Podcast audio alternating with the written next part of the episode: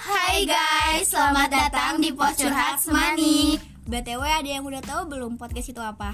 Kalau belum tahu, podcast itu siaran non streaming yang disampaikan melalui audio. Kita punya empat tema loh yang diupload satu minggu sekali setiap hari Sabtu jam 8 malam dengan tema yang berbeda-beda. Minggu pertama kita upload cerita tentang love story Minggu kedua tentang friendship story. Minggu ketiga tentang family story. dan minggu keempat tentang study.